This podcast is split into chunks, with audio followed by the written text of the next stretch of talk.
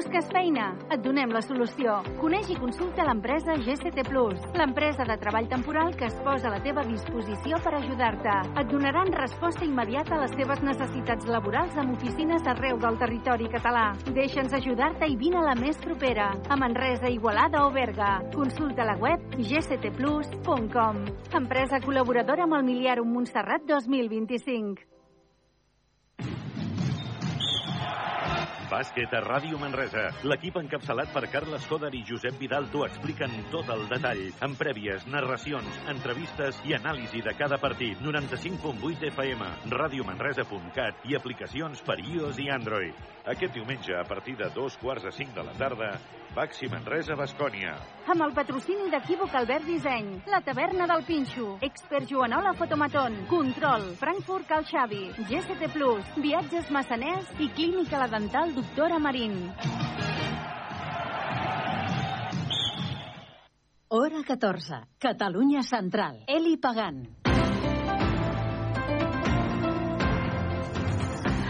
Hola, què tal? Molt bon migdia. Passen 21 minuts de les dues, hora 14 hores. Tenim 5 graus al centre de Manresa, amb cels ennuvolats, amb plogims, una pluja que ha de continuar demà a la tarda i també demà dijous i que en alguns punts del Lluçanès i el Moianès demà al matí aquesta pluja podria ser en forma de precipitació de neu.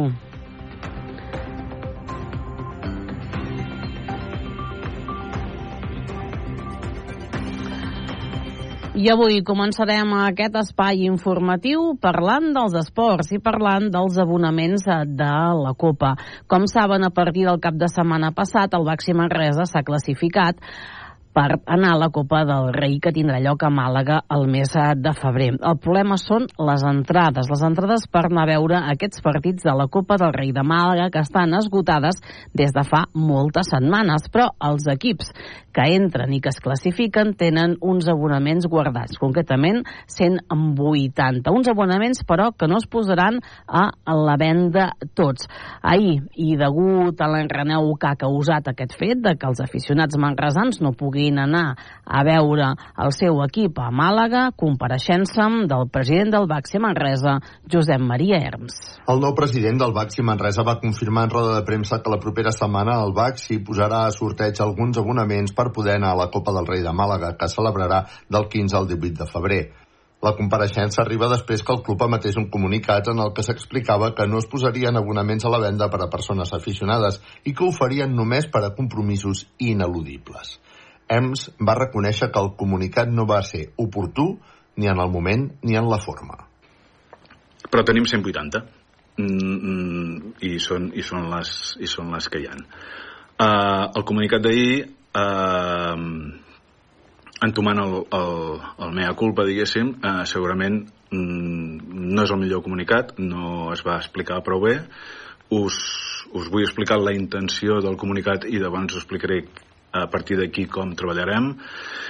La idea és que veient-nos col·lapsats, diguéssim, per la quantitat de demanda d'abonaments de, de, i veient que no podíem servir a tothom, eh, es va optar en aquell moment per dir eh, avisem a, a l'aficionat, avisem a l'abonat que el club no disposa, no dispondrà d'entrades, de, d'abonaments, eh, perquè si hi ha algú que faci el gest de dir, bueno, mm, ja, ja els compraré demà o ja els demanaré demà passat o perquè el, el club n'hi haurà no n'hi haurà o sigui, i segurament això es va explicar no tot el bé que s'havia d'explicar, segurament amb una immediatesa que potser tampoc no tocava. Els abonaments per a la Copa del Rei es van posar a la venda el dia 21 de novembre i es van esgotar de forma ràpida.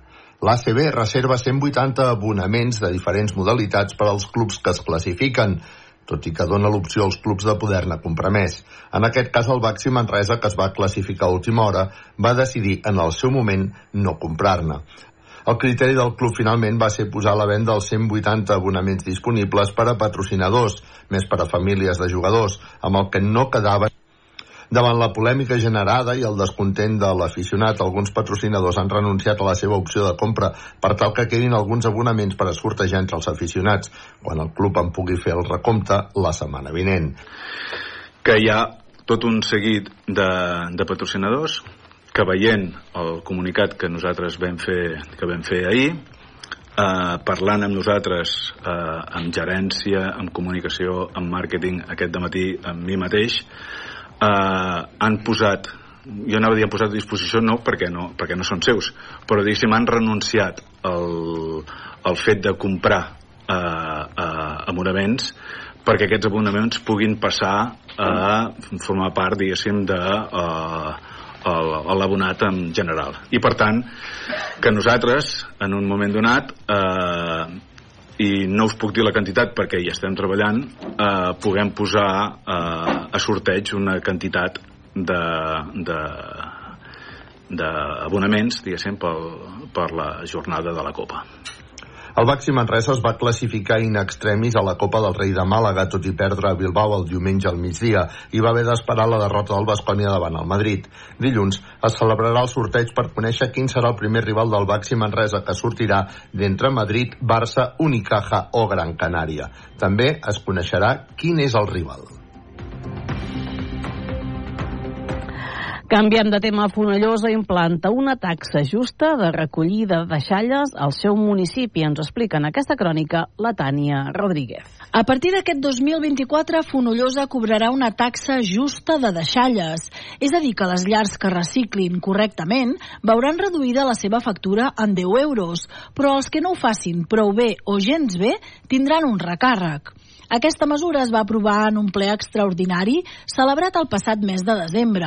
Des de fa un any i mig vam instaurar un nou sistema de recollida de residus aquí al nostre poble amb un control d'accés als contenidors, amb una targeta, i després d'aquest any i mig, amb uns resultats molt positius pel que fa al nivell de reciclatge que hem aconseguit eh, per part de la població, hem instaurat aquesta taxa justa per participació. És a dir, qui participa en el sistema mm, i ho fa bé, pagarà menys que el que pagava aquests últims anys. Qui no ho fa prou bé pagarà una mica més i qui no participa automàticament tindrà una penalització forta amb la taxa d'aquest any vinent. Així, la part variable de l'impost dependrà de l'ús i la freqüència d'obertura del contenidor d'orgànica i de rebuig al llarg de l'any.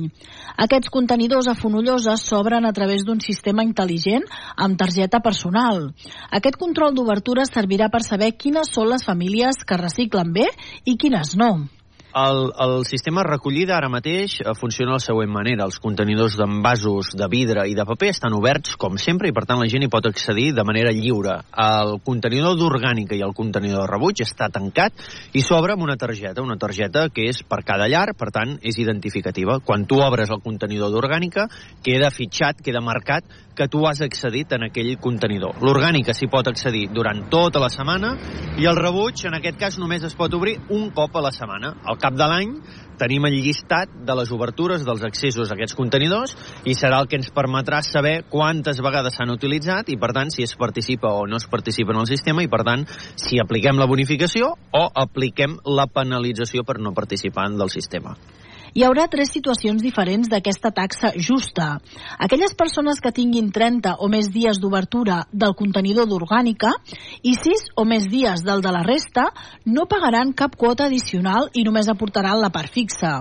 Aquells que no ho fan gaire bé tindran un recàrrec de 30 euros l'any. Són les persones que obren el contenidor d'orgànica entre 5 i 29 dies i entre 1 i 5 dies el de la resta. I les persones que no participen del sistema de recollida de residus, és a dir, que tenen una obertura de 4 o menys dies en l'orgànica i cap en el de la resta, tindran un recàrrec de 50 euros l'any. Amb la implementació del nou sistema de recollida de deixalles, a través dels contenidors intel·ligents que s'obren amb targeta, el municipi ha vist incrementada la recollida selectiva al municipi. Fa un any i mig, Fonollosa estàvem al voltant del 25-27% només de recollida selectiva. A dia d'avui estem ja a l'entorn del 75-78% de recollida. És un augment molt gran instaurant aquest sistema. És a dir, amb el sol fet de que la gent sap que eh, té aquest control d'accés, és a dir, que queda identificat quan tu accedeixes als contenidors i en alguns casos a les àrees, eh, això sol ha fet augmentar ja moltíssim aquest eh, índex de recollida selectiva. Aquesta taxa justa de deixalles és una prova pilot que es fa en altres municipis de la comarca del Bages, concretament a Balsareny i Sallent. Els bombers de la Generalitat van rescatar un parapentista que s'havia accidentat a Montserrat, a la zona entre les Finys i el Montgròs al Bruc. Tres dotacions del cos van participar en el rescat ahir a les dues del migdia. L'home s'havia fet mal al turmell. Dos quarts de tres. Hora 14. El láser. Láser. Con Javier Casal. Dos y media, una y media en Canarias, dos cosas que tienen que saber a esta hora. Desde hoy será obligatorio el uso de la mascarilla en los centros de salud de todo el país. Sanidad impone la medida, la orden se está comunicando mismo a las comunidades, según acaba de explicar la ministra de Sanidad, Mónica García. La obligación podrá pasar a ser recomendación en aquellas comunidades que presenten datos de descenso de la incidencia acumulada en las dos últimas semanas de infecciones respiratorias agudas. En este informativo les vamos a contar cómo es esa orden, qué dice y cuáles son, además de las obligaciones, las recomendaciones. Se recomienda, por ejemplo, el uso de la mascarilla en las farmacias, los matices también que ha introducido Sanidad para calmar a las comunidades más críticas. Votar sí es votar que las pensiones suban casi un 4%. Y votar no es volver a la bajada de las pensiones. Y esta es la otra Votar gran sí cuestión de hoy a esta hora. Es casi un alegato del gobierno.